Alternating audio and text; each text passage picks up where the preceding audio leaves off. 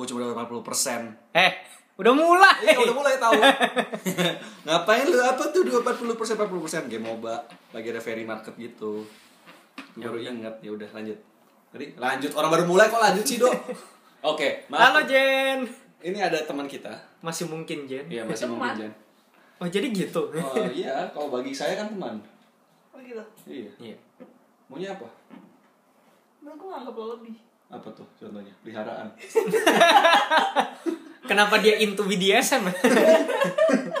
Beautiful dog surrounding me. gue gue tahu apa yang di otak lu, apa yang di benak lu gitu. Apa emang? Peliharaan. ya kan? Sobat Temi. iya, sobat Temi. Ya udah. Oke, selamat datang di sebuah siniar, sebuah siniar dari Sebuah kesebuahan, pusing-pusing dah lo ya, banyak banget sebuahnya. Kenapa nggak dua buah aja dok? Dua buah kan lebih indah daripada sebuah. Eh, tergantung apa dulu sih. Iya, Emang nggak selalu yang berdua itu lebih baik sih. dua buah bijik. Iya, mau pasti dua gak sih? Tergantung biji apa dok kan ada monokotil sama dikotil. Iya sih. Itu keping biji, bukan biji ya, bijinya. bukan bijinya. Oh iya iya iya. Ya udah, Ya eh, update. Gak ada update. Nggak ada update sih. Hari ini hujan. Iya, hujan deras. Ini hari hujan deras. Tanggal berapa? Tanggal 20, tanggal Iya, 20 iya. November 2018. Eh, kan bukannya hari ini harusnya hari Sabtu? Kan nggak mungkin tanggal 20 dong. Ya kita rekamannya hari Selasa, iya, Bro. kita rekaman hari Selasa. Karena hari Sabtu, karena hari Sabtu Aldo mau ke nggak tahu ke mana. Nah, ada ada ada acara gue dari pagi sampai sore di hari Sabtu, makanya jadinya hari Selasa. Jadi kalau kalian dengerin ini berarti itu di Sabtu tanggal 24 November 2018 karena pertama kali dipublish. Jadi kalau misal lu pada, "Ih, ngaco nih hostnya. Orang gue dengerin tanggal 21 Februari 2019 kok dibilangnya 24 November." Ya karena nggak dipublishnya tanggal 24 November, sayang. Oke. Cie sayang, Ya iya dong, nggak apa-apa dong. Kan kita menyayangi pendengar kita kan. pendengar setia siniar. Iya. iya. Ya udah. Update-nya nggak ada. Update-nya nggak ada. Update nggak ada karena ya Apa karena kita diupdate? kebiasa karena kita kebiasa kemarin hiatusnya udah sebulan setengah Iya. ya. Iya. Jadi sekalinya kayak gini update lagi nggak ada. Iya, betul. Betul. betul. Lagian lagian emang jaraknya singkat juga. Kita Sabtu ke Selasa sih. Ini Iya. rekamannya hari Selasa, hari Sabtu ya dipublish. Iya, betul. Sip. Oke. Terus Eh, yang buat Selasa depan kapan? Tungguin aja. Gak usah banyak nanya apa sih. Lu jahat banget anjir. Astaga mulutmu. Rayendra, Rayendra. Nah, iya iya iya. Ya udah silahkan Stefanus. Nah, ya udah. Jadi kita mau ngebahas apa hari ini? Ya udah back backstory-nya dulu lah. Backstory-nya. Iya. Nih kayaknya update paling cepet ya kita baru baru jalan 3 menit Baru udah 3 menit udah langsung masuk topik. udah ya. langsung masuk topik. Biasanya kalau gue mulai mulai langsung topik lu bilang eh update dulu gitu kan. Iya. Sekarang update-nya nggak ada. Sekarang update-nya nggak ada ya. Eh topik dulu. gitu. topik dulu. Itu update tuh tadi ada berapa ratus pendengar itu nggak dibilang? Gak usah lah Nggak kalau usah ya? itu itu Oh, iya. terlalu terlalu apa ya trivial banget lah. Cuma beda Iya. berapa hari iya, doang. cuma berapa hari doang. Oke. Eh, jadi topiknya hari ini kita mau bahas tentang irrational belief. Irrational belief itu apa maksudnya? Kepercayaan, bukan kepercayaan lu menyinggung kepercayaan orang lu kalau bahas-bahas kepercayaan. Tai. apa istilahnya pemahaman, prinsip, apa sih tadi yang gue bilang? Kok gue jadi lupa ya? apa ya? Jen apa Jen? Gue bilang tadi pas Irrational belief. Bukan. waham. Ya ya kalau disingkat sih jadi waham memang. Beda. Irrational belief. Beda. Waham Beda? lebih, oh, iya. Waham lebih Ya setingkat di bawah waham lah. Waham lebih psikotik. Pre-waham. Pre-waham. ya paham ya. Nah, paham. Paham-paham yang salah. Maksudnya paham-paham yang salah tuh gimana dok pelajaran? Sebenarnya bukan, Bukan salah sih, eh, tidak rasional. Tidak rasional. Dalam otak setiap individu. Iya, gitu. dalam kognitif uh, setiap individu. Kognitif apa sih dok? Lu pakai bahasa yang mudah dikit apa? Pikiran, pikiran lu. Yang lagi pikirin apa? Tentang masa depan lu, tentang hidup lu, tentang masa lalu lu, lu memandangnya kayak apa? Nah itu disebut dengan kognitif. Gak selalu tentang masa lalu sih, tentang hidup lu. Kognisi.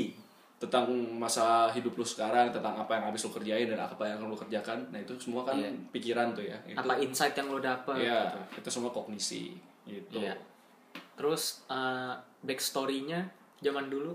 Backstory zaman dulu. Iyalah. Kenapa jadi zaman dulu? Ya lu cerita dulu. Apa yang bikin lu jadi pengen ngebahas ini? Oh, kan- Harus ada dong, bridging. Oh, ada, ada. Nggak zaman dulu juga gitu kan. Sekarang sampai sekarang pun Oh. gue banyak menemukan uh, kalau manusia itu kan nggak luput dari kesalahan-kesalahan berpikir ya. Dari sesat Dari, pikir. dari sesat pikir ya. Kalau tahu bahasa simpel logical fallacy. Nah, logical fallacy yang berkelanjutan itu bisa jadi irrational belief Irrational belief yang berkelanjutan jadinya waham. Bisa Bisa. kalau udah ekstrim banget jadi ya waham Iya. waham apa sih dok delusi contohnya apa tuh dok delusi kayaknya waktu itu gue udah pernah jelasin Iya gak sih Nggak jelasin aja singkat. Iya udah gue jelasin. Delusi itu kayak istilahnya pemikiran yang bener-bener gak masuk akal tapi Lo percaya, gitu. sebagai sesuatu yang lo percaya dan lo alami itu nyata. Gue nggak bahas soal agama karena koridornya bukan koridor agama kepercayaan dan lain-lain tapi lebih ke dalam hal lo sehari-hari aja gitu kayak misalkan gue tuh sebenarnya anak dari ikan paus. Gue anak dari Contoh kayak gurita gitu. gitu. Yang gitu contohnya. Cetulu. Iya kan? Contohnya kayak gitu tuh.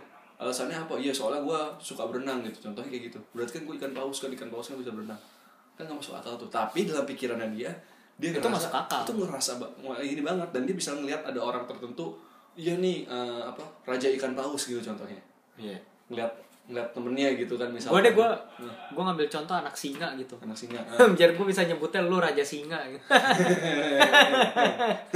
ini Enggak, enggak tapi bener kayak waham tuh ya de ya delusi. Itu akarnya awalnya dari irrational belief, Iya. dari pemahaman lo yang salah tentang ya itu hal-hal yang sehari-hari terjadi Hmm. di dalam diri lo. kalau misalnya lu masih gak ngerti gini aja deh, nonton namanya film Beautiful Mind itu tentang Iya. John Nash ini kisah nyata ya John Nash ini ahli ekonomi tahun masa-masa perang dingin gitu tahun 50-60an berarti ya di Princeton. ya Iya. di Amerika Dia, dia di kampusnya iya, Princeton, Princeton, Princeton ah. University.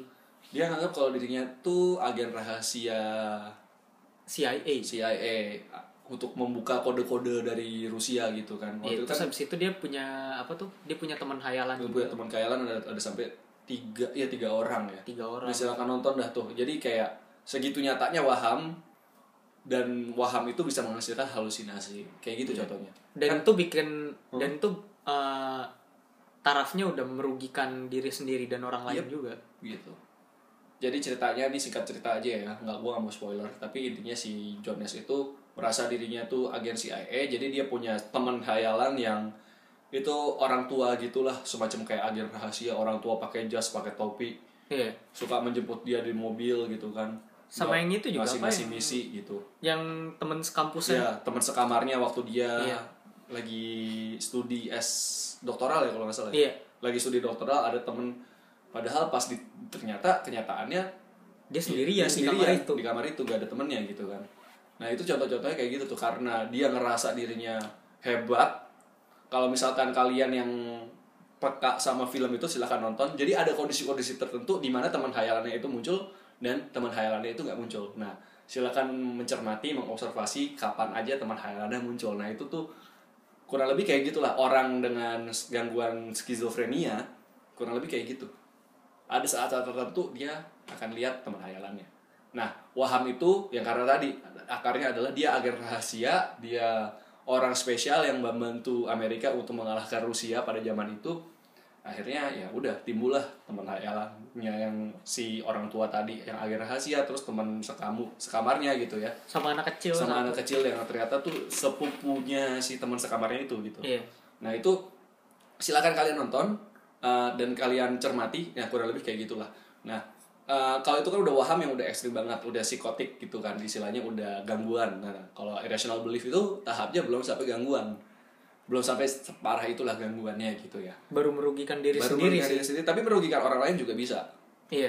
Nah, nah ya itu latar belakangnya karena kita nggak bisa terlepas dari hal-hal seperti itu ya mungkin teman kita mungkin kita sendiri mungkin saudara kita mungkin orang tua anak pacar gebetan atau mungkin peliharaan kita nggak tahu sih kalau peliharaan ya Diharaan lagi. ya kayak gitu contohnya ya eh, kita kadang nggak sadar akan namanya irrational belief itu pemahaman-pemahaman yang salah. Akan sesuatu hal akan diri kita akan sekitar kita. Pokoknya itu juga bisa membuat sudut pandang kita jadi kurang benar gitu. Oke. Eh, jadi ini gue jelasin aja. Ada namanya Albert Ellis. Dia itu penemu namanya rational emotional eh rational emos em, rational emotive behavior therapy iya. Disingkat RBT. RBT jadi dia melihat nama juga rasional mengarahkan orang ke pemikiran-pemikiran rasional. Namanya juga ada emotifnya jadi pikiran dan emosi itu biasanya nyambung. Jadi kalau misalnya ngomong ya dengerin hati lu jangan dengerin pikiran lu. Eh Jainal Maimunah.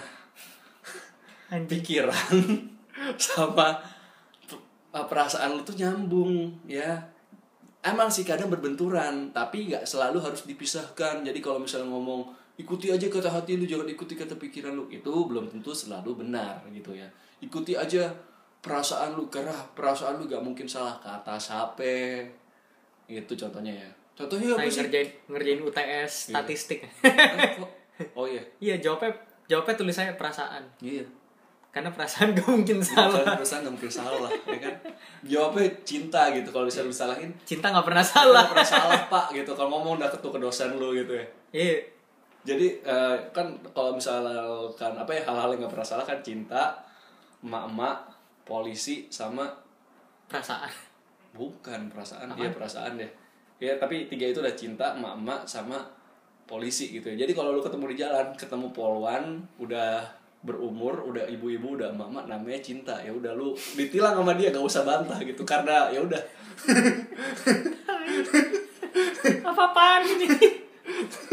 gitu ya jadi jadi sorry kalau untuk yang namanya cinta ini cuma bercanda cuma guyonan ya soalnya uh, teman gue ada yang namanya cinta terus gue gue ledekin kayak gitu lu kenapa gak jadi polwan aja kan kalau lu jadi polwan nama lu cinta ntar lu udah punya anak lu udah gak mungkin salah tuh Anjir. terus dia ketawa lo kayak gitu juga kali ya gitu contohnya ya kayak gitu tuh ya jadi lanjut lagi kenapa jadi ngomongin polwan gitu ya Cie.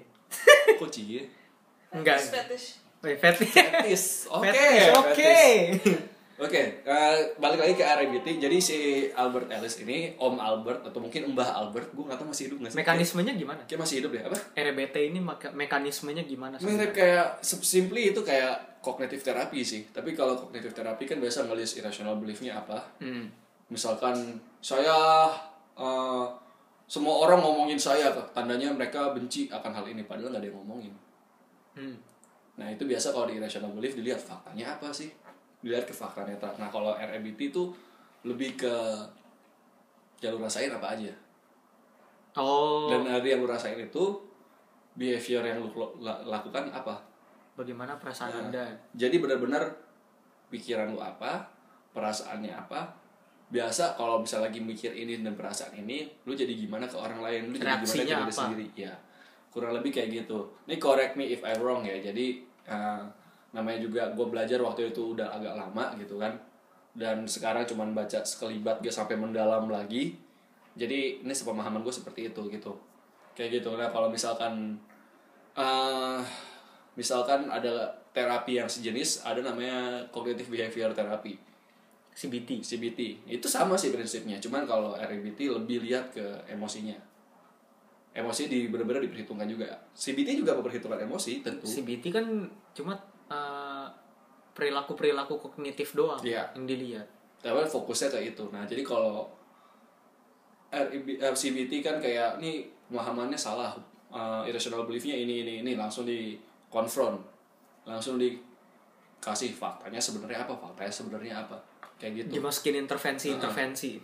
kalau RIBT ya mirip-mirip kayak gitu juga tapi perasaannya juga lebih dikelola gitu ya istilahnya ya sebenarnya ya nggak semua orang bisa pakai CBT nggak semua orang pakai CB, RIBT sih intinya harus lihat-lihat orangnya siapa Lihat kondisinya lihat juga. kondisinya gitu kan ada orang yang lebih dominan perasaan mungkin bisa pakai RBT kalau misalnya ada orang yang eh gue menurut gue perasaan itu gak ada sama sekali itu cuma mitos gitu kan itu cuma reaksi-reaksi hormonal dari syaraf-syaraf lu hipotalamus amigdala dan kawan-kawannya gitu kan Padma amigdala. Hah? Padma amigdala. Padma Amidala. Lu benerin yang salah. oh iya Eh benerin udah yang benar. iya iya iya ngaco gua ya, kayak gitu gitu contohnya ya ya sebenarnya gak salah juga emang perasaan itu timbul dari reaksi-reaksi hormonal otak dan syaraf kita gitu Itu alami. itu alami Bisa gitu. dise- bisa dijelaskan bisa secara dijelaskan secara, sains. secara biologi gitu ya. Nah, tapi ya itu lagi saya lagi CBT sama RMBT kalau waktu itu ada yang ngomong pernah beredar gitu bilang nih sebenarnya salah yang benar RMBT atau terus ada juga yang kubu bilang yang benar CBT waktu Iya. waktu gue kuliah gitu ya. Ah. ini namanya masih mahasiswa gitu kan. Terus gue tanya ke dosen waktu itu kan juga ada dosen yang dia muridnya Aaron Beck yayasan Aaron Beck. Aaron Beck itu siapa? Yang bikin CBT terus gue tanya mas eh, emang RBT sama CBT bertentangan ya? Enggak kok tes siapa? Orang sama aja. Iya sama aja bilang itu beneran mas? Iya sama aja cuman yang satu lebih mem- mementingkan emosi juga memperhatikan Kalau CBT, mempertimbangkan emosi sebagai salah satu uh, indikator. indikatornya kalau Kalau CBT CBT ya kognisinya. doang. kognisinya aja dia bukan berarti emosi dibuang sama sekali ya terus jadi robot gitu enggak Iya. kayak gitu gitu ya tapi kayak oke lu sedih lu senang lu cemas ya oke that's okay gitu kan di, dilihat juga tapi intervensinya lebih ke kognitif nah itu kurang lebih latar belakangnya ya balik lagi ke hal-hal yang membumi. Kalau tadi kan teori-teori banget gitu ya. Hmm. yang membumi kita ngomong soal eh, pemahaman-pemahaman yang salah itu biasanya timbul bisa di dalam hubungan dalam studi kayak yang masih kuliah yang masih sekolah gitu ya. Hubungannya bisa hubungan. Hubungannya bisa ribet banget uh, gitu. individu antar individu atau individu, individu dengan dan kelompok gitu, gitu. kan. hubungan dengan orang tua pacar adik kakak Teman-teman lu. teman-teman lu gitu kan. Atau mungkin dosen pembimbing lu atau mungkin siapa lu gitu ya terserah lu lah. Mau siapa pun itu. Mau dengan sopir gojek juga significant silakan. other Nah, intinya. misal lu punya sopir gojek atau grab langganan silahkan gitu. Tapi emang ada kayak gitu itu bisa terjadi di mana pun di mana pun berada gitu ya. Lu berada ya namanya juga manusia kan makhluk berpikir gitu kan. Iya. pasti akan ada irrational irrational belief itu. Dan ini gue bukan ngomong kayak gitu supaya oh kalau gitu kita harus mikirnya bener lempeng terus dong. Enggak enggak juga. Karena namanya juga manusia gitu ya. Pasti kan ada salah mikir ada salah mikir. Iya. nah tapi gue jelasin singkat eh, bukan singkat sih garis besarnya aja. 11 irrational belief itu apa aja. Jadi kalau bisa kalian ngerasa ini kayaknya gue nih ini kayaknya eh, dia jangan sih gue gue lebih menyarankan kalian merefleksikan gak usah nunjuk orang gitu ya Jangan nunjuk hidung orang lain. Iya, kalau lu nunjuk orang lain, ntar orang lain, "Udah, lu sendiri juga begini, lu sendiri juga begitu gitu ya. Iya. Dan maksud gue di sini juga bukan untuk nunjuk orang lain ya, gue cuma menjelaskan secara garis besar gitu ya. Silahkan direnungkan, dipikirkan, kira-kira ada yang mana aja sih di dalam diri lu gitu ya. Pertama, eh gue harus dicintai oleh semua orang. Kalau enggak, Berarti gua nggak dicintai bukan sama dicintai sekali. sama sekali. Bayangkan, irrational belief itu prinsipnya kayak all or nothing. Kalau nggak gini berarti enggak. Jadi kayak lihatnya hitam atau putih. Satu atau sepuluh. Kalau dalam skor gitu ya. Kalau gue kan dapat 100 berarti gue gagal gitu. Contoh-contoh seperti itu. Kayak gini tadi contohnya I must be loved by everyone or I'm not lovable gitu ya. Gue harus dicintai oleh semua orang. Kalau enggak, gue berarti nggak layak untuk dicintai. Berarti gue dibenci. Berarti gue apa ya istilahnya?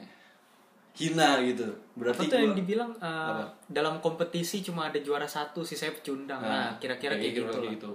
Itu prinsipnya. Nah, kalau ini dalam konteks cinta. Kalau misalkan eh, misalkan kayak kita ngomong lagi kemarin tentang bahasa kasih gitu ya. Ada orang nih maksudnya sebenarnya sayang sama lu, tapi nggak masuk aja bahasa kasih ke bahasa kasih lu. Misalkan lu yang lu lagi Bukan lu pengen- gaya lu lah gitu. Heeh, lagi lu pengen itu adalah dikasih hadiah tapi dia malah pupuk lu belai-belai lu lu ngerasa apa sih lu? Mesum ya? Gitu contohnya. Itu kan langsung padahal ya belaya bukan belai mesum belaya belai sayang. Mungkin lu waktu itu lagi sedih gitu kan la- lagi curhat terus dia belai-belai pupuk gitu terus lu rasa gak nyaman apa sih? Gitu kan. Nah kalau misalnya nggak nyaman tinggal bilang aja sorry gue nggak nyaman diginiin bukan gaya gue ya. Ya udah beres gitu. Tapi nggak usah langsung kayak eh, lu dasar lu gak ngerti gue ya? Gitu kan lu membenci gue ya megang-megang gue nah, contoh kayak gitu lu bermaksud jahat ya lu pengen eh, berbuat asusila kepada gue ya megang-megang kayak gitu nah contoh seperti itu itu ya itu tadi satu terus kedua eh Saya harus bisa semua hal. Heeh. Kalau enggak saya inkompeten. iya jadi harus bagus dalam semua Iya. semua area gitu kayak contohnya Ya, dibilang perfeksionis juga enggak Iya. sih, tapi minimal dia bisa semua. iya Bisa apa pun dengan baik. Heeh. bisa lakukan apa pun dengan baik ya Iya.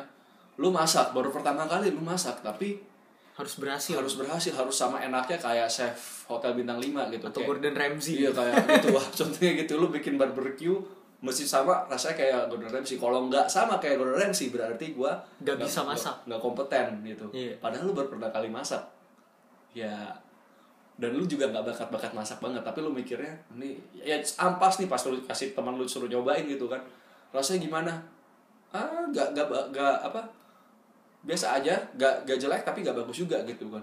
Bandingin sama Gordon Ramsay enak mana? Enakan Gordon Ramsay. Ah emang ampas ya gua gitu kan. Berarti saya tidak bisa apa-apa. berarti gua nggak bisa apa-apa gitu. Berarti gua Bukan golongan kamu. bukan golongan kami.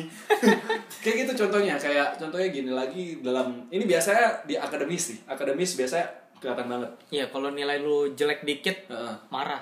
iya misalkan lu dapet harusnya lu dapet A jadi amin gitu terus habis itu lu ngamuk lu gitu. punya target 80 lu terus lu dapet 79 tapi lu paling tinggi sekelas. Iya. Terus lu tetap ngerasa kalau saya tidak kompeten. Iya.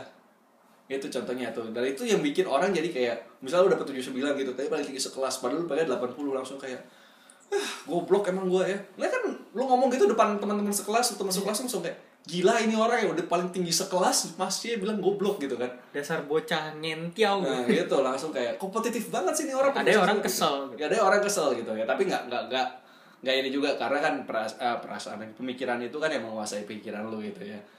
Eh, terus tiga eh, apa? apa I must damn others if they not treat me well. oh eh Gue harus mengutuk orang lain kalau Iya, gue mereka harus nggak berbuat mengutuk baik. orang lain kalau mereka nggak berbuat baik sama gue. Iya. Jadi kayak itu misal, itu kan bangsat. iya misal lu ada orang nabrak, eh, lu ditabrak sama orang, kesenggol doang. Eh sorry ya udah minta maaf banget langsung kayak, apaan sih lu sampah gitu kan. Kata-kata kata-kata kebun binatang, kata-kata Kebun binatang seputar selangkangan. ini seputar selangkangan, Semuanya keluar. selokan gitu keluar gitu, lu mengutuk dia sebagai lu emang lu ya orang paling apa lah gitu kan. Nah contoh-contoh begitu tuh. Nah, Disenggol terus langsung bilang, "Bukan golongan kami." Ya iya. Terus juga ada yang ngeritik gitu, misalkan lu lu bikin suatu karya, ada yang ngeritik. Ngeritiknya langsung kayak Bro kayak kalau ke begini lebih bagus deh misal lu abis upload gambar gitu ya atau abis bikin lagu gitu lu rekam lu taruh di sosmed lu bro kayak agak kurang deh kayak lebih bagus begini gini deh langsung tersinggung gitu kayak wah lu manusia terkutuk lu gitu kan Anjing gue bikin udah susah. iya Terus lu apa-apa. ngata-ngatain. Nah, ya contoh kayak gitu. Nah, jadi eh, itu kalau dalam konteks zaman sekarang ya dan masalah eh, ya kadang kan kita juga nggak tahu ya kalau misalnya soal netizen dia ngeritik kayak gitu, ngomong kayak gitu, maksudnya apa?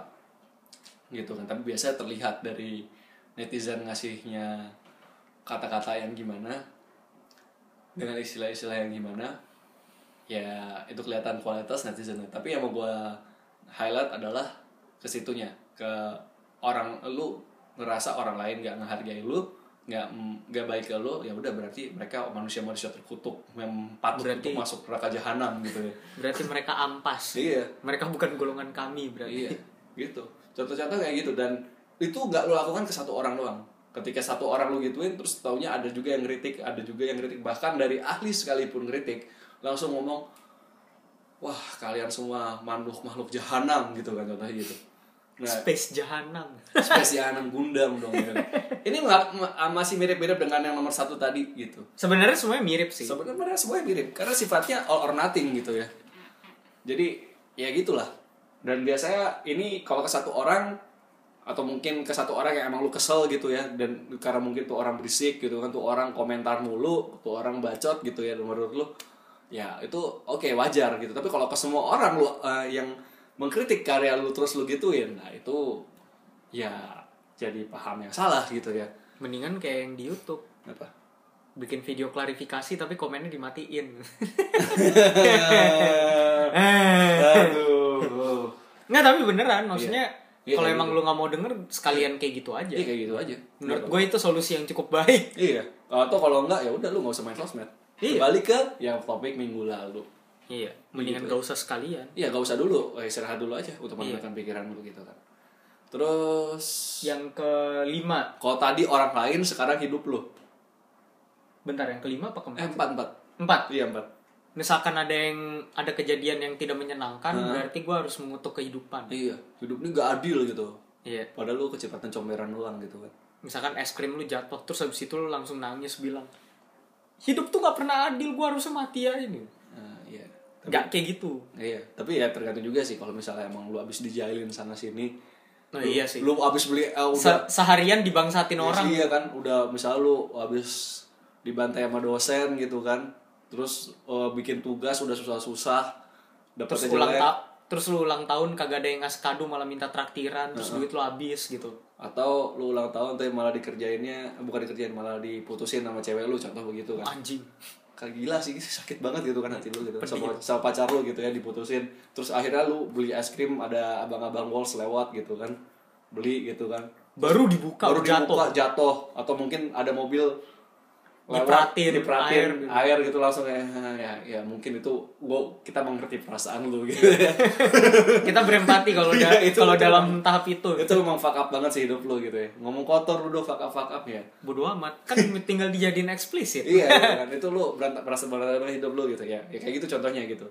Ya itu kalau contoh yang wajar. Tapi kalau maksudnya ya kayak tadi lah kita balik ke ulangan dapat 79 gitu ya paling tinggi sekelas Iya. dan menurut lu itu gak well menurut lu itu gak sesuai dengan rencana lu langsung lu kayak hidup apa? ini Hidup adil ini kenapa gue cuma dapet 79 Iya, gitu. padahal paling tinggi satu angkatan gitu. Iya. Akhirnya kayak kita kita cuma lihatnya dari sisi eh, nggak sesuai dengan ekspektasi kita, langsung kita kecewa. Nah itu dengan kehidupan gitu ya dan akhirnya memutuskan untuk apa ambil pistol terus tempel di jidat gitu.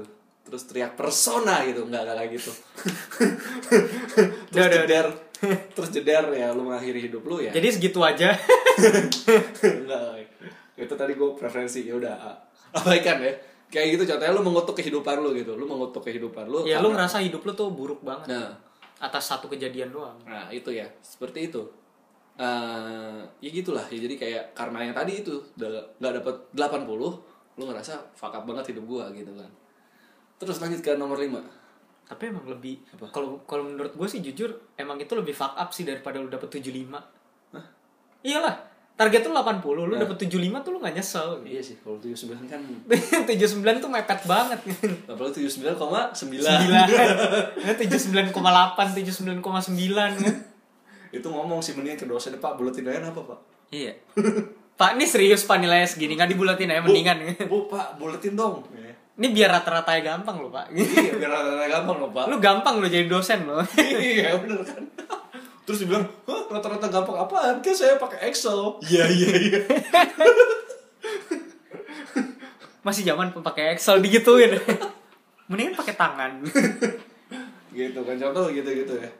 Terus eh Nah, tadi- kelima. lima I must control events and Oh. people. Eh, gua harus mengontrol segala kejadian, Segala dan manusia dan- di sekitar gua. orang-orang di sekitar gua.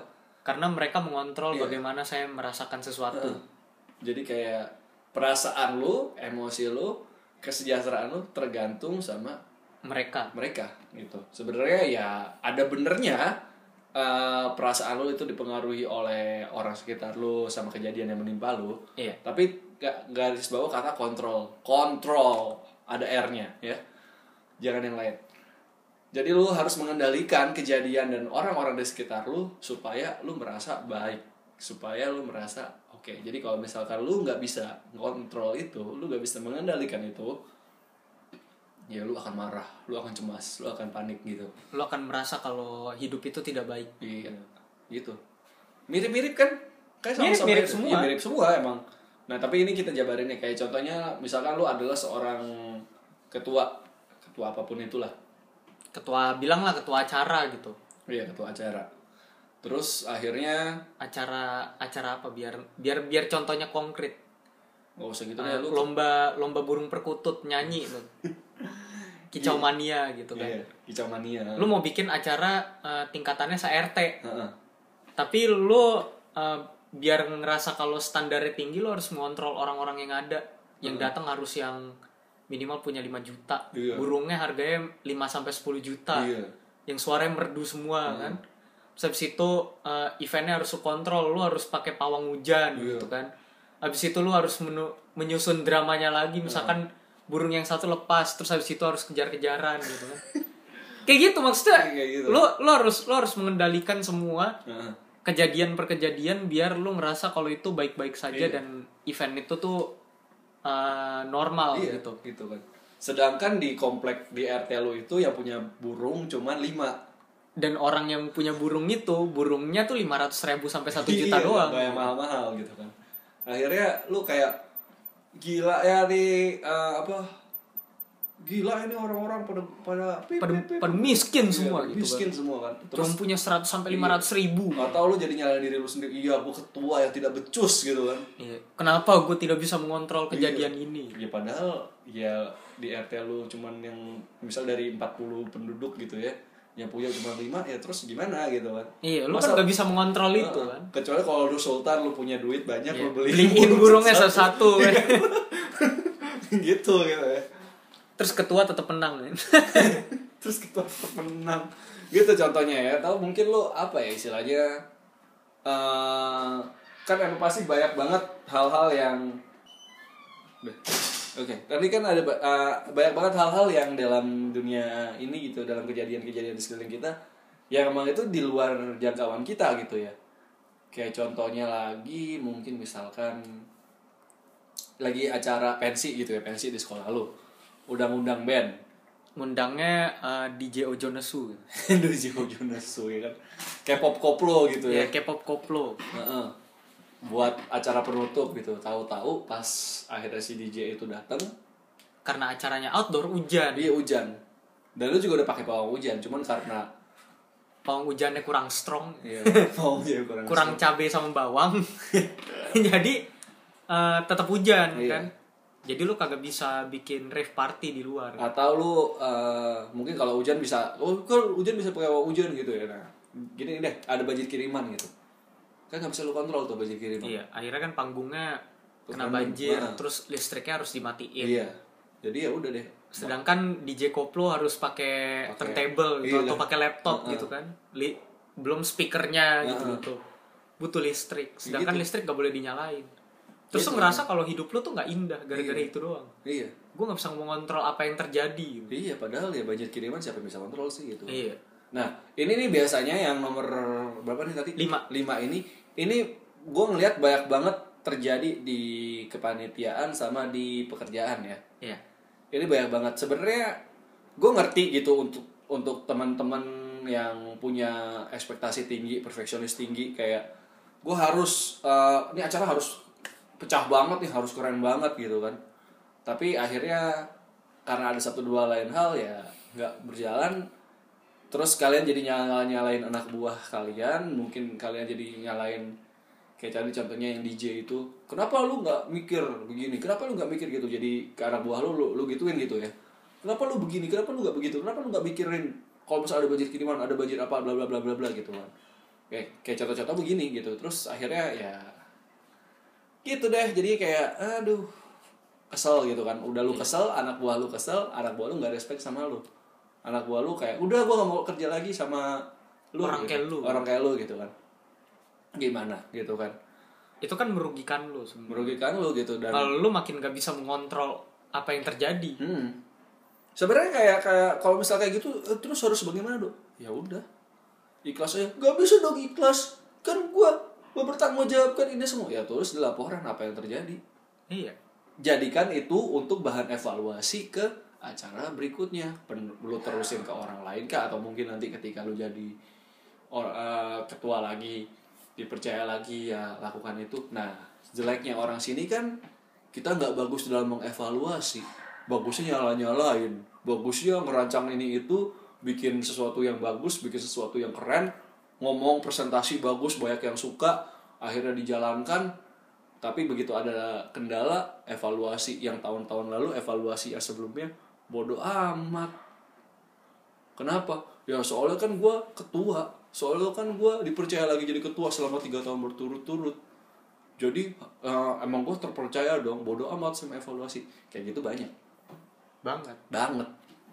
Gitu ya. Jadi eh gue bukan ngajarin kalian untuk slack off kayak ya udah bikinnya ngasal aja. Bikinnya nggak usah yang bagus-bagus yang asal jadi ala kadarnya nggak apa-apa. Nggak nggak kayak gitu. It's okay bikin sesuatu yang bagus bikin sesuatu yang keren yang pecah. Keren banget.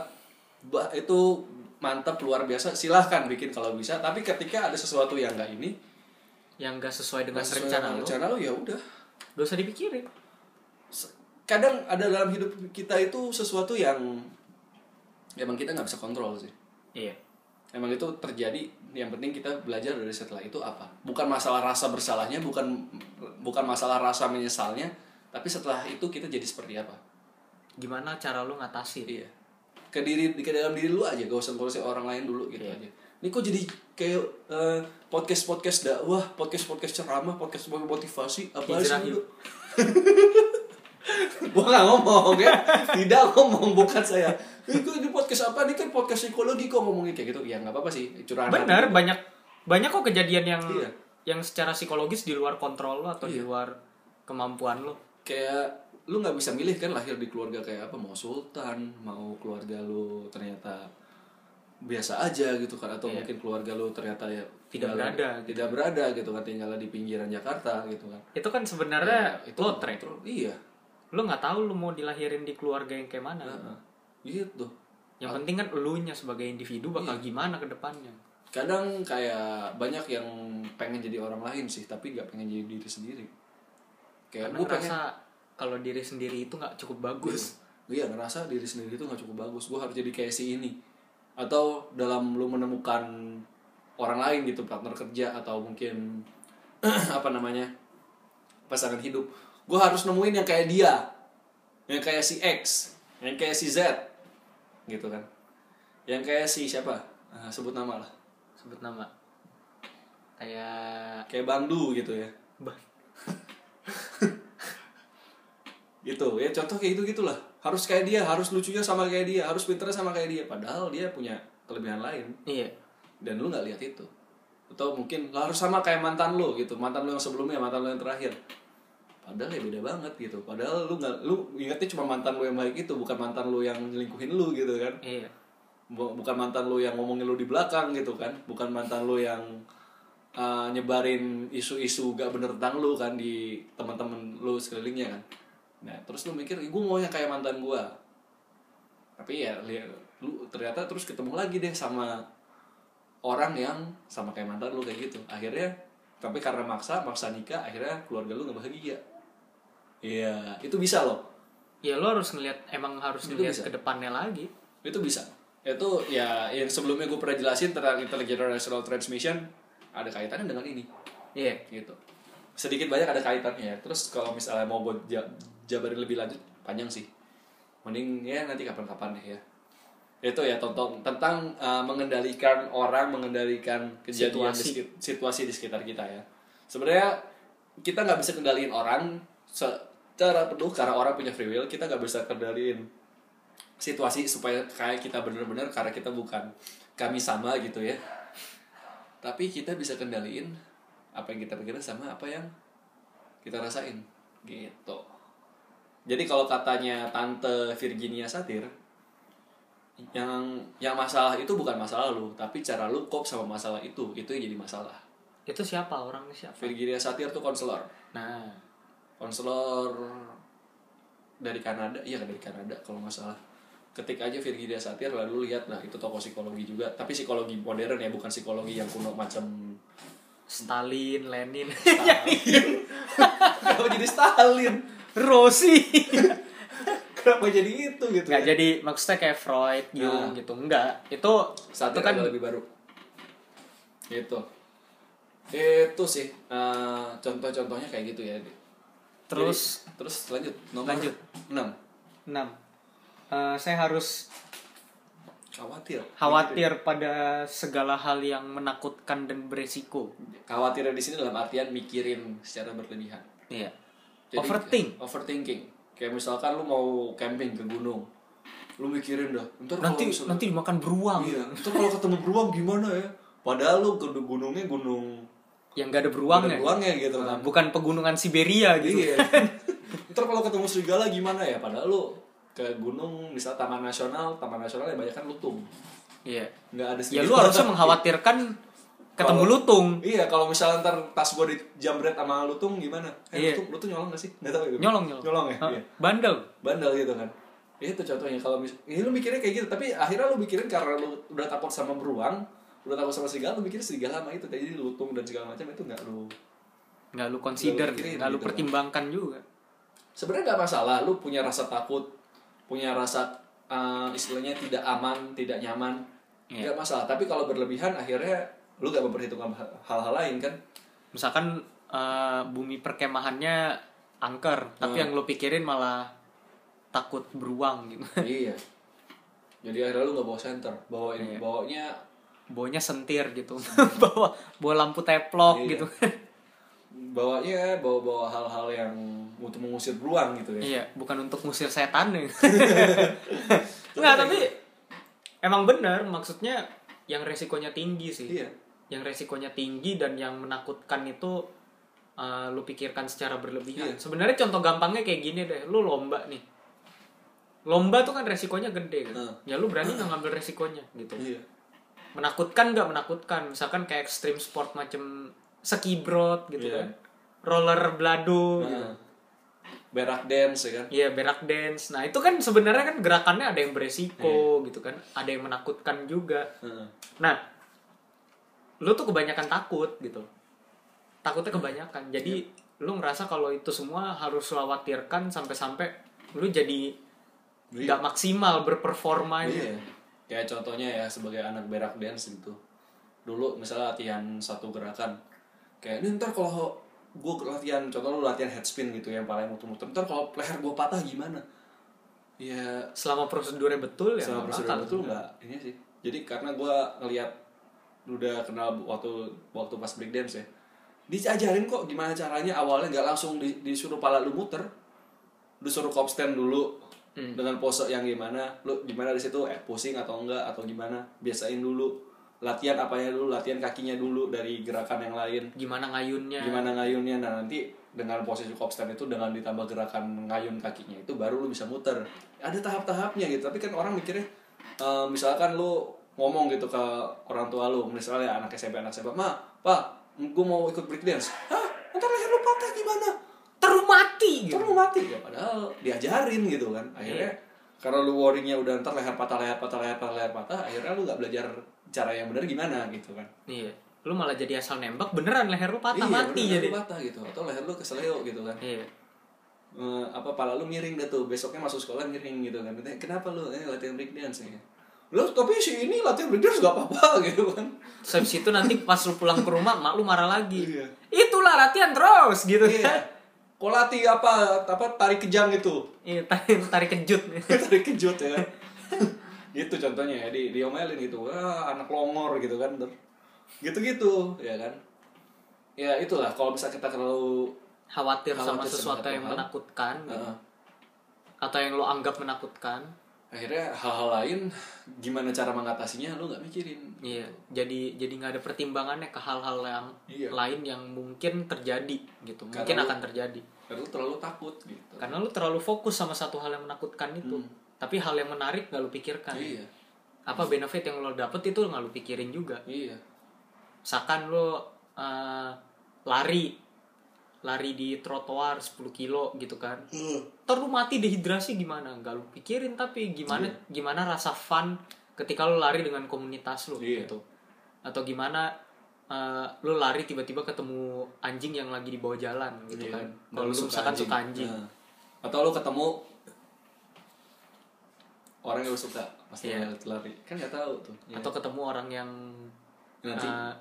Menarik Hmm. ketika lu lari gitu kan. Ketika lu lagi olahraga. atau lu ketemu jodoh lu waktu lu lari Ah. gitu kan. Atau ketika pas lu balik ternyata deket McD akhirnya lu makan gitu kan. Nah lu nggak lu nggak mempertimbangkan hal itu kenapa? Karena lu fokusnya ke hal yang menakutkan dan hal yang ntar dehidrasi ntar ditabrak mobil gimana? Iya. Gitu. Kayak gitu-gitu. Seperti itu ya. Oke lanjut. Nomor 7 terus yang ketujuh eh, saya harus menghindari tanggung jawab dan masalah agar saya bisa merasa nyaman dan senang. Nah ini banyak banget kita yang seperti ini ya. Jujur aja sih Gue ya, menghindari masalah. gue gue sering kali berpikir kayak gitu. Gimana kalau Jadi masa gue pengen masalah lenyap aja. Gue pengen tanggung jawabnya dialihkan ke orang lain Supaya gue lega gitu. Supaya gue senang Supaya gue nyaman Supaya gue bisa nyantai. Banyak banget. Itu manusiawi. Itu manusiawi. Semua manusia pengennya senang. Pengennya gitu. Ya balik lagi kayak yang ming- topik minggu lalu kan. Heeh. Tentang pleasure principle tuh Hmm. it nah kan it itu pleasure principle prinsip kesenangan Yep. ya udah apa yang bikin lu senang ya udah lakuin gitu kan Hmm.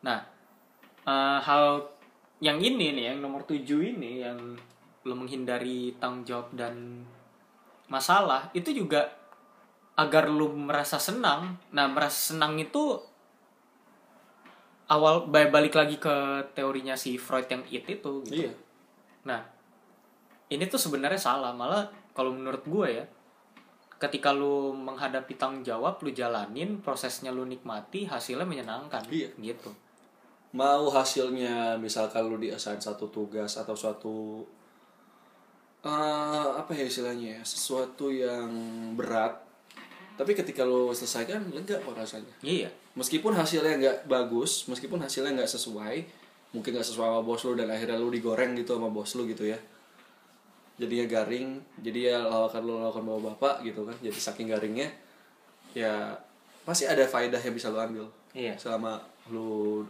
proses, Berproses itu gimana gitu. gitu. selama lu digoreng sebelum lu digoreng maksudnya sampai lu digoreng pasti ada sesuatu yang bisa lu ambil mungkin mindset mungkin keterampilan mungkin koneksi ya nggak tahu banyak sih gitu kan. iya.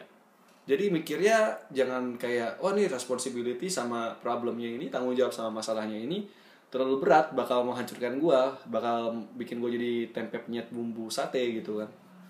Nggak gitu. Gak gitu kayak mikirnya ya gimana caranya supaya ada sesuatu yang bisa dipelajari ya dari hal ini ya. Memang lu bahagia kalau lu menghindari gitu kan Nah, kalau dihindari ya bahagia tapi lu nggak berkembang juga tapi Iya. gitu. Bener sih banyak banget sih kayak dari, dari kita gitu ya dalam hidup gue sendiri juga banyak yang seperti itu soalnya. Iya. Eh, ya itulah makanya ya cobalah untuk memandang tanggung jawab itu sebagai sesuatu yang alat untuk berkembang gitu kan. Iya. Tapi juga lihat pilih-pilih juga ya bukan berarti kayak gitu semua tanggung jawab lu ambil. Iya itu mah ntar kalau lu gagal semua itu salah lu lu nggak Iya. berkembang juga jadi. Iya. kalau lu kebanyakan hal yang lu bawa buat jadi tanggung jawab lu gitu. Gitu. Oke lanjut. Nomor 8 nomor 8 eh, saya harus tergantung bergantung dengan orang lain. orang lain. Eh iya. Iya kalau enggak hidup gue berantakan. Oh iya. Kalau enggak hidup atau diri gue pasti berantakan. Jadi semuanya tergantung orang ini mirip kayak yang nomor 5 tapi kalau nomor 5 kan lebih ke mengendalikannya itu dari diri sendiri nah kalau ini nih lebih ke orang lain gue harus mengassign ke ini ke orang yang tepat contohnya gitu ya dalam dalam kerja tapi yang bergantung gitu. Hmm. bergantung sama orang lain jadi Iya. lo eh, mau makan harus makan bareng ke toilet ke toilet Iya. bareng kalau enggak hidupku hampa tanpamu gitu Iya, kan kayak gitu. enggak nggak bisa kayak gitu lo harus bisa sendiri karena ya manusia makhluk sosial tapi Hmm. manusia juga nggak cuma ma- makhluk sosial tapi dia juga individu kan. Karena pada akhirnya semua orang mati sendiri. Nah i- semua orang akan tetap sendiri. Iya kan? Itu suatu quote dari kayak gue udah pernah ngomong deh. Iya sih? Eric Fromm ya iya. Gitu ya. Jadi gak masalah bergantung sama orang lain. Tapi kalau terlalu bergantung sama orang lain apa apa dia apa apa dia apa apa dia ketika dia hilang lo jadi nggak kebiasa lagi buat melakukan apa apa buat sendiri gitu iya gitu Yang ke sembilan Saya harus dikontrol oleh masa lalu dan diganggu oleh semuanya. gini eh, Yang pertama kali mengganggu saya. Bingung juga gua. I must be controlled by my past and disturbed by anything that once disturbed me. Oh, jadi kayak misalkan di masa lalu lu itu lu ngalamin sesuatu yang misalkan ditabrak Bi- sepeda lah. Heeh. Eh, lu naik lagi naik sepeda ditabrak motor gitu kan. Terus habis itu eh, karena lu trauma, ini sebenarnya kan gangguannya trauma kan. Iya. Lebih ke traumatis, tapi traumatisnya berlebihan lu bikinnya gitu. hmm. Misalkan lu naik sepeda lagi, lu takut gitu. Tapi takutnya berlebihan. atau bahkan gak usah naik sepeda lihat dengar kata sepeda atau dengar kata motornya udah bikin lu merinding gitu kan Heeh, tapi lu masalahnya lu nya nggak mau berubah juga. iya Lu ngerasa gak ada yang perlu diubah. iya Gue kayak gini, gue takut sepeda gitu. iya Nah itu dan gua akan selalu terganggu sama sepeda. Gitu, gitu. Nah itu sebenarnya nggak boleh. Manusia kan berkembang kan. Hmm. Eh, ketika lu takut sama satu hal ya lu harus belajar buat melawan juga. Nggak bisa tuh yang namanya takut terus habis itu udah pasrah gitu kan. Iya. Misalkan ada meteor jatuh terus habis itu udahlah kita juga bakal mati. Nggak bisa juga. Kalau bisa lu kabur kan kabur dulu. Jangan mati dulu kan gitu. iya iya itu ya Keinginan manusia untuk bertahan hidup kan ada sebenarnya. Hmm. jadi gitu sih kayak ya masa lalu lu mungkin pernah trauma sama orang mungkin lu di abuse mungkin lu dihina gitu mungkin lu Iya. dibully atau lo gini deh pacaran sama orang dari suku tertentu Heeh. Atau kayak temen gue lah ada. Dia bilang cowok tuh cuma dua kalau nggak homo brengsek bilang gitu kan. So habis itu dia lang dia dia selalu nge-preach gue dia selalu mengkotbahi gue dalam tanda kutip. Dia ngomong karena gue udah mengalami gitu kan. Saya situ gue langsung bilang terus gue apa? Ya lu pilih lah kenapa gue harus milih gue bilang gitu kan. Ya memang bener dong. Dia bilang ya lu harus milih antara lu homo atau brengsek. Emang kenapa kalau homo? Gue bilang gitu. Salah orang homo. Iya. enggak ya udah ngapain lu bikin itu jadi pilihan? Gue bilang gitu. Iya. lu jadi homo kan pi ya itu pilihan hidup lu gitu kan. Terus habis itu kenapa gua harus brengsek? Apakah brengsek buruk? Kalau misalkan buat lu yang emang brengsek juga gitu kan? Enggak kan? Iya. dia brengsek karena lu brengsek gitu kan. Atau misalkan brengsek karena satu alasan tertentu yang lu nggak tahu dan lu nggak mau tahu mungkin gitu kan? Nah itu kan sebenarnya cara mikir yang salah kan ya manusia macam-macam tapi karena mungkin dia trauma karena dia punya hubungan pacaran yang kurang baik selama ini ya dia bakal mikir kayak gitu Yep. itu susah dilurusin kalau udah orang yang mikir kayak gitu Iya, tapi kalau misalnya kita bicara trauma, ya emang salah satunya RBT bisa untuk mengubah mindsetnya dulu, Iya. untuk memperbaiki rasa takutnya itu bisa pakai. RBT yang tadi gue bilang ya.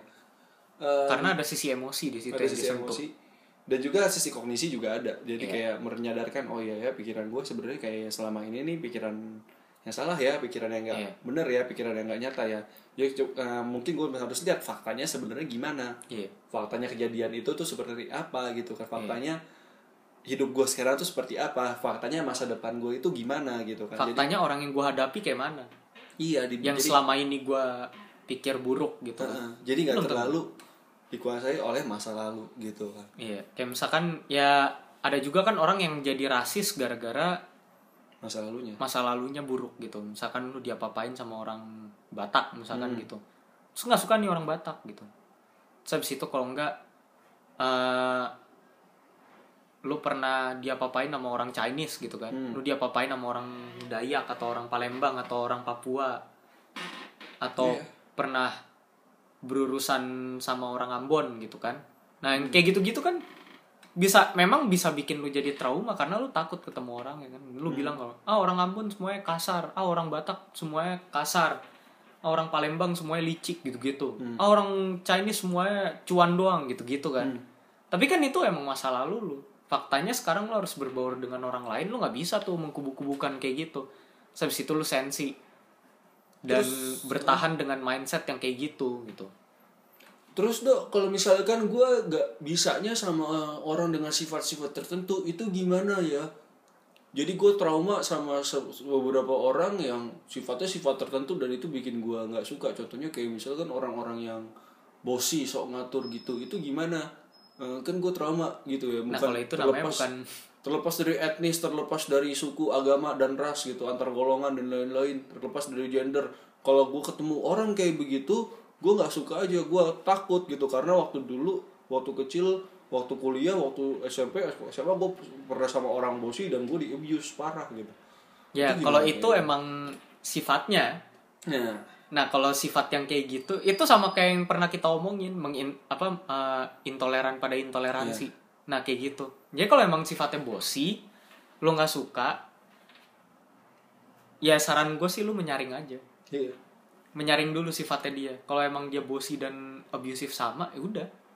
Kan sebenarnya lu berhubungan sama manusia itu lu observe dulu, nggak boleh asal main benci aja. Kalau main main asal benci namanya prejudice dong, gitu kan. Hmm. Lu berprasangka buruk sama orang lain, gitu kan. nah tapi kalau udah observe udah kenal ternyata Hmm. orangnya kayak gitu gimana Nah ya udah ya jauhin. udah ya itu Jangan ya. deket-deket gitu. itu, pilihan lo Iya itu pilihan lo. Kalau lu mau tetap dekat sama dia oke. Tapi kalau lu nggak mau deket karena trauma, ya itu namanya bukan trauma. Emang orangnya scumbag juga. dan sekali lagi lu jauhin dia itu bukan salah lu Iya. Jadi kalau misalkan ada orang yang menuding eh, misalkan nih di contohnya di ya paling gampang di kampus di pekerjaan deh ya. Ah, coworker lu se- sejenis-jenis kayak gini. Terus akhirnya lu memutuskan untuk nggak mau berurusan lagi sama dia dengan alasan kayak gitu. Terus ada orang yang pihak-pihak yang menyalahkan lu, lu lu kok gak mau ngampunin dia, lu kok gak mau berteman sama dia, lu kok jadi pemilih sih sama orang-orang kayak begitu. Itu gimana? "Eh, lu kan harusnya bisa dong terima harus bisa dong kenal gitu segala macam lu kan uh, manusia manusia Iya. kalau berrelasi itu harus take and give lu harus menerima dia kayak mana. Iya. Seperti dia menerima lu lah. Kayak Jainal. Nggak gitu. Maimunah ya gue kasih tahu sih kayak gak, gak kayak kayak gitu. Karena itu traumatis buat orang itu. Dan, itu, tidak mengenakan tidak mengenakan tidak menyenangkan buat orang itu. Tidak menyenangkannya sampai ke hal-hal yang traumatis loh. Iya yang itu bisa ganggu kesehatan emosinya dia kesehatan jiwanya dia. Jadi kalau misalnya dan mau- kemungkinan nggak terjadi sama satu orang doang Iya. gitu. Dan kalau misalkan akhirnya lu mau cut off mau itu ya udah nggak apa-apa demi keselamatan lu. Jadi kayak misalkan uh, ada orang dia kolesterolnya tinggi lu kasih soto daging. Nah lu kasih soto jeroan terus di uh, gua nggak mau makan soto jeroan nah kenapa soto jeroan kan enak? Ya gua ada kolesterol soalnya. Ya lo kolesterol Lu doang. kolesterol doang salah lu pokoknya lu harus makan ini. Ya lu tuh orang kenapa-napa masuk ICU gitu. Ya itu bukan salah saya paling kayak gitu kan. Ya itu bukan salah saya, siapa suruh dia punya kolesterol? Kan gue cuma nawarin soto jeroan ya kan menurut gue enak gitu kan. Ya nggak bisa kayak Nggak gitu. kayak gitu gitu ya. Yang gue tekankan sekali lagi kesehatan mental itu sama kayak kesehatan fisik. Mm-mm. Jadi ada orang yang pantang makan makanan tertentu ya Itu juga ada sama orang yang gak bisa deal sama sifat-sifat tertentu Iya. Karena itu traumatis levelnya gitu ya Lu kayak orang kanker lu suruh makan barbecue lu yang angus-angus gitu Orang kanker gak boleh Gitu lo mau tanggung jawab kalau dia Iya. mati gitu Kalau dia kambuh lagi kankernya gitu, Iya. lu mau tanggung jawab. Gak tahu. Ya kayak tadi lah, orang kolesterol ada penyakit jantung gitu.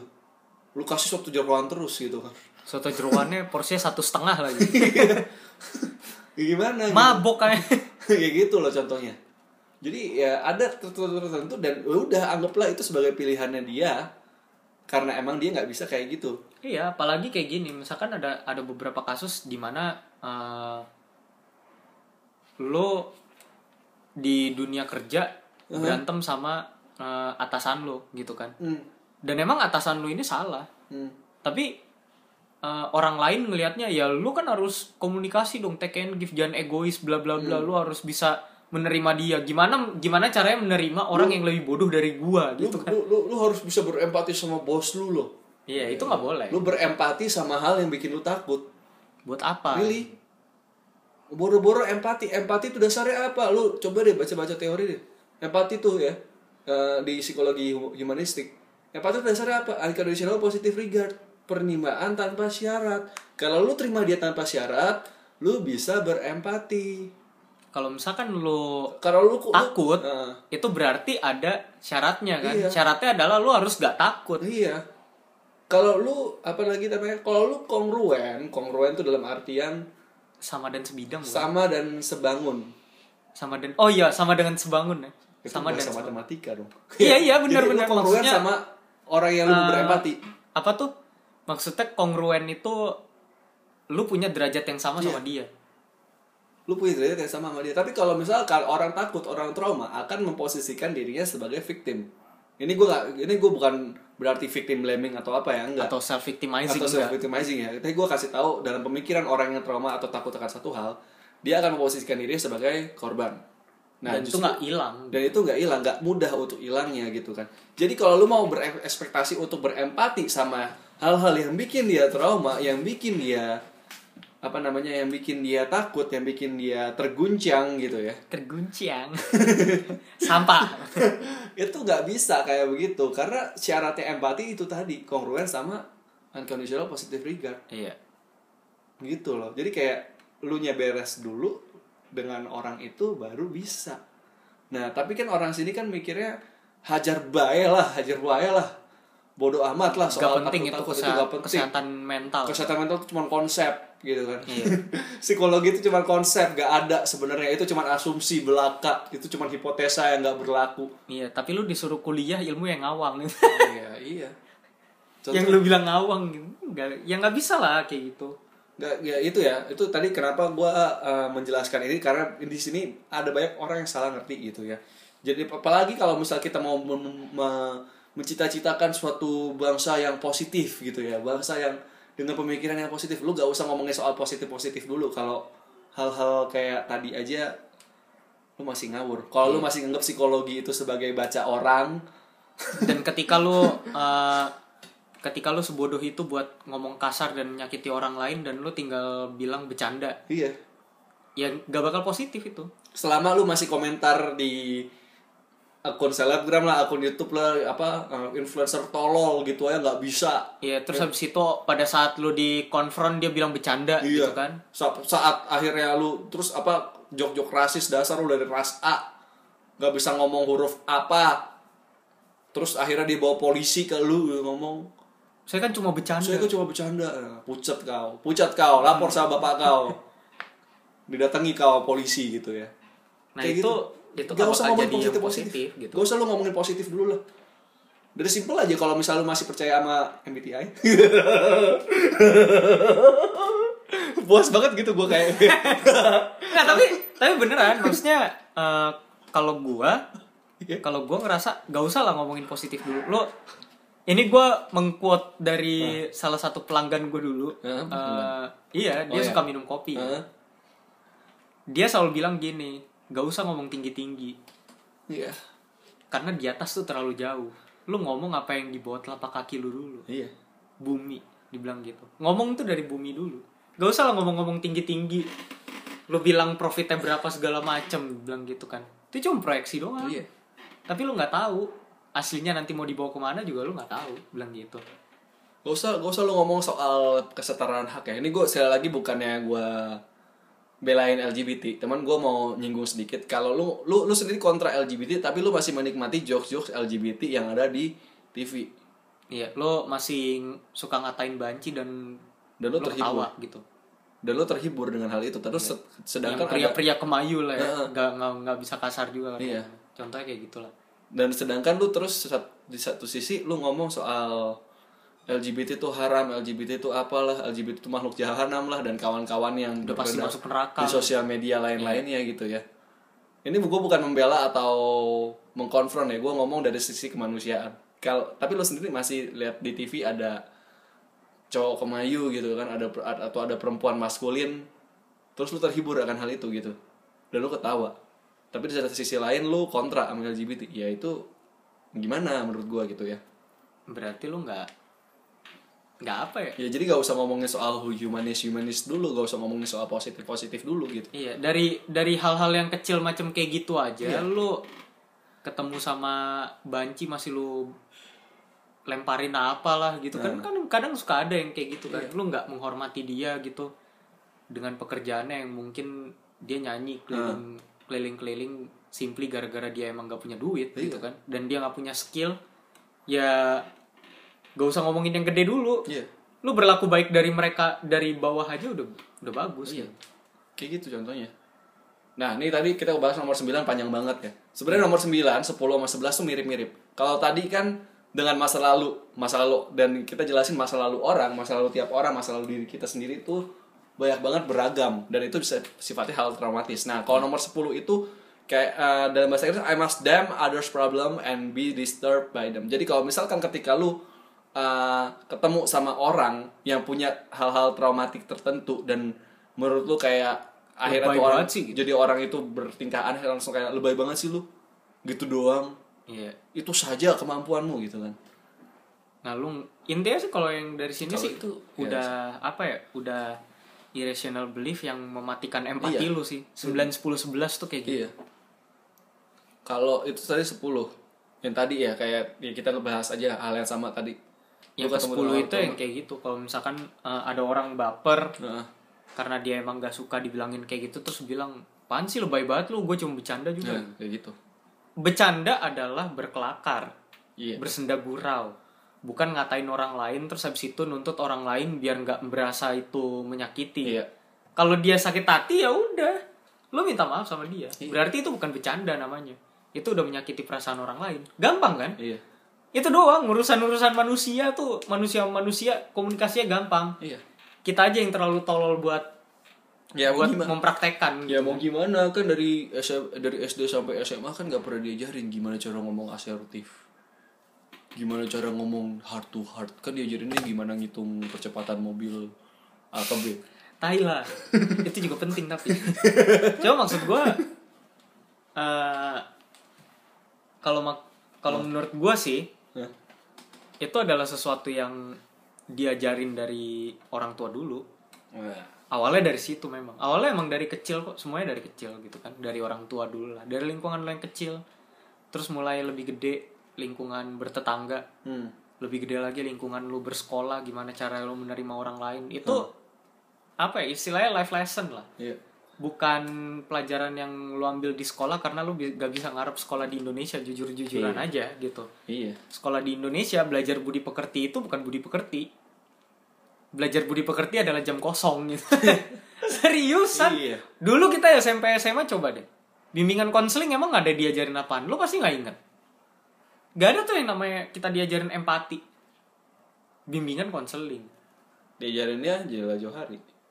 Ya, itu Jenderal Johari juga ngelatih empati kita sih, tapi ya tapi nggak maksudnya ya itu sejarah dari satu ahli istilahnya kayak gitu loh. Tapi kalau apa ya kalau pelajaran yang bisa lo aplikasikan dalam kehidupan tuh nggak ada gitu. SMA pun kayak gitu. Lo diajarin nih eh, bimbingan konseling kan. Ya jujur jujuran aja gue di sekolah gue dulu bimbingan konseling adalah salah satu eh, pelajaran yang sangat sangat kita takutin. Kenapa? Karena gurunya itu mengoffend tiap orang yang ada di kelas. Kalau kita nanya Ih, beneran? Ngaco sih. lu bayangin gue disum gue dulu disumpahin kelas 2 SMA gue disumpahin gak naik kelas sama siapa? Guru. guru konseling gue Ngaco sih. dibilang dengan nilai lo yang kayak gini gue sumpahin lu nggak bakal masuk kalau kayak gini. Nggak Nah, bakal sih. naik Nah, itu aja tuh contoh. dia ngomong kayak gitu maksudnya ya kita mau ngarep apa gitu aja Iya, lu gue bukan yang ngatain Kayak cuma kalau kita ngelihat gue cukup apatis dengan pendidikan Indonesia yang kayak gitu lu bukan yang ngajarin sesuatu yang baik luhur Hmm. sesuai dengan nilai-nilai tenggang rasa gotong royong yang ada di Indonesia Hmm. katanya sesuai dengan nilai-nilai Pancasila Hmm. lu malah eh, ngajarin orang biar bisa ngeremehin orang lain Iya. Dan bikin dan bikin luka yang dalam buat orang gitu Dia ya. Nah, itu tuh kayak ya itu salah satu bukti nyata dari lo harus mengutuk masalah orang lain dan bilang itu lebay ya kayak gitu iya. Lu nggak membantu lu cuma menambahkan goresan dalam luka yang udah ada aja gitu. Lu lu kayak- nambahin garam gitu. Atau parahnya udah tahu dia luka lu ambil pisau lu tusuk lagi terus lu cek cek cek apa lu lu lu atas puter-puter bawah, gitu kan? Atas bawah kiri kanan gitu iya. Gila kau gitu kan. Terus masih berharap kayak ih kok berdarah sih? Ya. Ih kok sakit sih? Gitu. kan aneh banget kan kayak tuh udah urusan lu apa jing? Udah udah Gitu ya. digituin mungkin gitu kan. Itu ya kayak gitu ya. Terus kenapa? Karena itu mengesalkan Iya. buat orang gitu. Lu bukannya mengerti Tapi lu malah nambahin luka iya gitu. beban gitu ya. Kalau menurut gua sih hmm. ya karena gue punya pengalaman pribadi seperti itu juga ya gue ngerasa kalau memang orang nggak bisa ngertiin lo lo harus bisa ngertiin orang lain. Ya makanya. Karena ya udah lo nggak usah ngarep ke orang lain gitu. Mulai dari diri lu aja. Dan Gitu. berharap orang lain yang lo ngertiin itu mengerti juga ke orang lain yang selanjutnya. Iya. Gitu. Itu ya terus nomor 11 terakhir. Terakhir eh, sama kayak nomor 9 sama 10 tapi Iya. kalau lu nggak bisa menemukan solusi untuk permasalahan umat manusia dengan sempurna. dengan sempurna hidup lu fuck up. Iya. hidup lu terkutuk hidup lu gak guna gitu. Lu bayangin kalau penemu-penemu kayak gini semua. Lu bayangin kalau Elon Musk itu nggak bisa nemuin gimana caranya roket bisa dipakai lebih dari sekali lu mikirin kalau mungkin dia udah bunuh diri kemarin. kalau si siapa? Wright bersaudara gitu ya? Iya nggak Nggak. nemuin. nggak nemuin gimana cara bikin pesawat terbang. Iya. Ya udah nggak nggak akan ada dah tuh lu bisa dari sini ke Eropa dengan cepat gitu kan. Dari sini lu ke Jepang gitu kan. 10 jam doang. 10 jam doang nggak ada. Yang kalau lewat naik mobil mungkin bisa berbulan-bulan Iya. gitu kan. kalau naik kapal berbulan-bulan belum lagi bahayanya gitu kan. Iya. Bahaya lebih banyak gitu kan di laut. Nah contoh-contoh seperti itu kayak terus siapa lagi? Lu nggak kalau siapa? Colonel Sanders. Nggak. Apa kalau misalkan Colonel Sanders ngerasa kalau bumbu itu nggak sempurna hidupnya fuck up nggak ada KFC sekarang. Iya nggak ada KFC nggak ada tuh ayam goreng Sabana Rocky dan lain-lain Iya, gitu kan. ada lagi makanan yang harganya dua puluh ribu tapi lu udah kenyang mampus gitu kan pakai winger. itu dia gitu nggak ada gitu ya terus kalau misal nggak ada siapa lagi nggak ada Tesla nggak bakal ada bakal tuh listrik. eh, listrik eh, Harus direct listrik current sekarang. Heeh. harus listriknya AC punyanya Newton. Newton. punya Newton punya Edison Edison heeh. kalau nggak ada Newton ya nggak ada tuh hukum gravity Hukum gimana 9,8 Newton meter per second iya gitu gitu nggak ada eh nggak nggak terus apa lagi nggak ada si siapa? Niko Nicholas Copernicus. Nggak ada tuh. Iya. Lu nggak bisa tahu dah tuh di benua sana di Eropa ada menara Eiffel gitu kan. Iya. Gak ada tuh si gak ada tuh Photoshop kalau nggak ada si Taraman Narayanan Iya. Lihat gak sih? Sebenar kalau lu jeli nih ngelihat orang-orang yang ada di kreditnya itu ada si Taraman Narayanan Oh iya? dari CS2 sampai sekarang Oh iya? sampai CC nggak pernah ngilang namanya. Itu salah satu orang kalau nggak salah engineer-nya oh oke. Itu salah satu nama yang menarik selain Thomas Knoll gitu gitu kan. Nah, gitu terus kalau nggak ada Friendster nggak ada tuh Facebook. Iya. Ya kan? Nggak ada dah tuh uh, kalau Zuckerberg kalau Zuckerberg tiba-tiba berhenti terus habis itu ngelanjutin kuliahnya nggak bakal ada Facebook. Iya. Itu dia. Gitu ya jadi ya lu belum bisa menemukan itu ya udah nggak apa-apa. Iya. Nggak bakal ada flapnya pesawat kalau Habibie keluar dari ITB iya. Emang dia ITB bukan Jerman ya? Kok ITB sih? Nah dia dia kalau nggak salah S S 1 di gue deh. Gue lupa gue lupa. Terus itu dia ke Jerman kan? Gue lupa gue lupa. Kalau misalkan dia nggak maksud gue eh, kalau misalkan dia nggak belajar lebih lanjut nah. kalau misalkan dia menyerah di saat dia gagal terus habis itu uh, dia tidak menemukan jawaban yang sempurna pada solusi pesawat terbang itu bisa menyelamatkan manusia Heeh. dan flap itu nggak ada.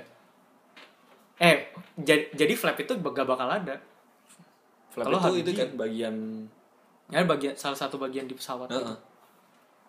gitu. Terus dia kan penemunya tuh.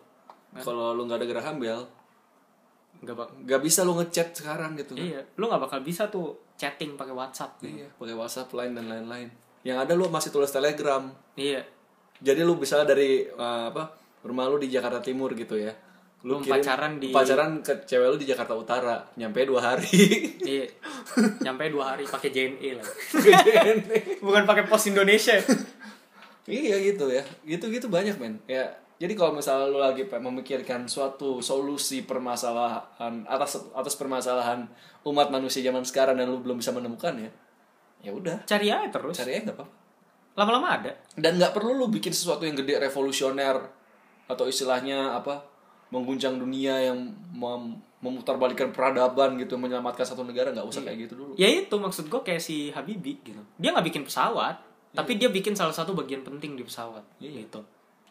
Lu nggak perlu jadi orang yang kayak tadi orang yang breakthrough banget segala macem enggak lu cuma butuh sebagian kecil dari penemuan orang yang breakthrough itu hmm.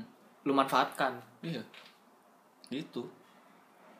Itu ya jadi ya gue nggak tahu kenapa awalnya sih gue nggak mau bikin sedalam ini ya tapi nggak tahu kenapa di sejak nomor 9 ya jadi dalam gitu. Dan sampai ngomong soal umat, umat manusia gitu kayak gila ya. Cuma emang benar di sini kan uh, answer to human problems kan berarti kan permasalahan manusia pada umumnya kan. Iya. Gitu. Kayak misalkan gimana caranya orang ngurangin minyak bumi kepake gitu kan ya pakai mobil listrik gitu kan. Iya. kalau misalkan orang-orang gak mempopulerkan mobil listrik kayak misalkan si Elon Musk gak mempopulerkan mobil Teslanya yang murah itu ya mungkin sampai sekarang masih pakai minyak terus dan akan ketergantungan terus. Iya. sedangkan minyak bumi mau habis. Itu kan masalah manusia. Iya. Gitu. Itu ya sud. Ya sudah. Kesimpulannya. Kesimpulannya udah banyak banget sih tuh. Kayak dari 1 sampai 11 tuh nggak apa-apa lu summarize kesimpulannya ya sebelum bertindak sebelum mikir mikir dulu. Bingung gak lu? Sebelum mikir mikir dulu gitu. Bingung nggak? Bingung ya? Ini deh. Bener sih. Ketika lu punya satu pemikiran lu coba pikirin pikiran lu itu pemikiran lu itu dampaknya apa? Ke perilaku lu ke perasaan lu dan apa? Terus ke orang lain. Tapi ke ke, pera- ke perilaku sama perasaan lu dulu aja. Baru lu pikirin orang lain gitu apa yang lo lakukan ketika orang lain kayak gitu ke Heeh. gitu sih. Golden rule banget lu dok. Ya prinsip empati sebenarnya kayak gitu. Hmm. gitu sih. Cuma masalahnya siapa siapa dulu dulu aja gitu.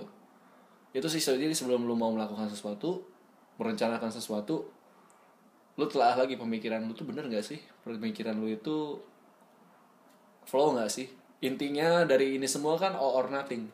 Lu lihatnya ekstrem kiri eh, ekstrem kanan. Iya sedangkan di tengah-tengah tuh banyak di banget. tengah-tengah tuh banyak banget hal-hal yang di tengah-tengah men.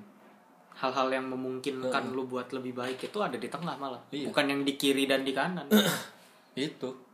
Jadi kalau misal lu pengen punya penghasilan 100 juta sebulan kalau belum itu berarti gue belum kaya. Pikir aja lagi. Iya. Batas kaya yang tadi gua yang, yang kayak kemarin gue ngomong batas kekayaan. 99 juta gitu. Kan kurang satu juta tuh. Nggak usah kurang satu juta se- 100 juta kurang seribu aja belum 100 juta kan. Terus mau lu langsung menyalahkan diri gue hidup gue fuck off banget gitu kan. Hidup gue tuh gak guna banget gitu. Pas ditanya kenapa? Karena kurang seribu. Remeh gitu. Gitu.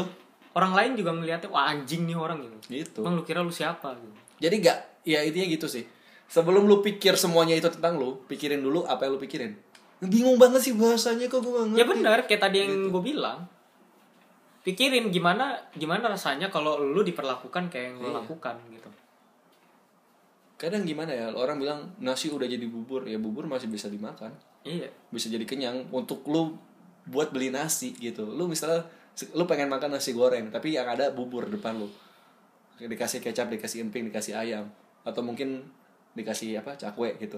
Lu makan aja kalau nggak lu mati kan. Lu makan aja energi dari bubur itu lu pakai supaya lu bisa makan nasi goreng. Iya. Dan energi dari nasi goreng itu lu pakai supaya lu buat bisa makan di KFC dari dari makan di KFC itu bisa buat makan di Din Tai Fung gitu. Dari Dintai pun bisa makan di Fairmont. Iya kayak gitu gitu ya. Habis itu tiba-tiba karena lu terlalu kaya, lu pengen lagi makanan yang murah, mau beli bubur lagi kan? Iya. Kayak gitu terus. gitu jadi dari dari Fairmont tuh pasti ada bubur gitu boleh nih boleh nih Sebelum sebelum lu makan di Fairmont pasti lu harus makan bubur dulu. iya gitu nih Mau bubur bayi Promina juga nggak apa-apa. gitu sebelum lo minum Fiji water lu pasti minum Ades Aqua dan lain-lain ya kan iya. Air minum Indomaret. air minum Indomaret air minum Alfamart gitu kan iya.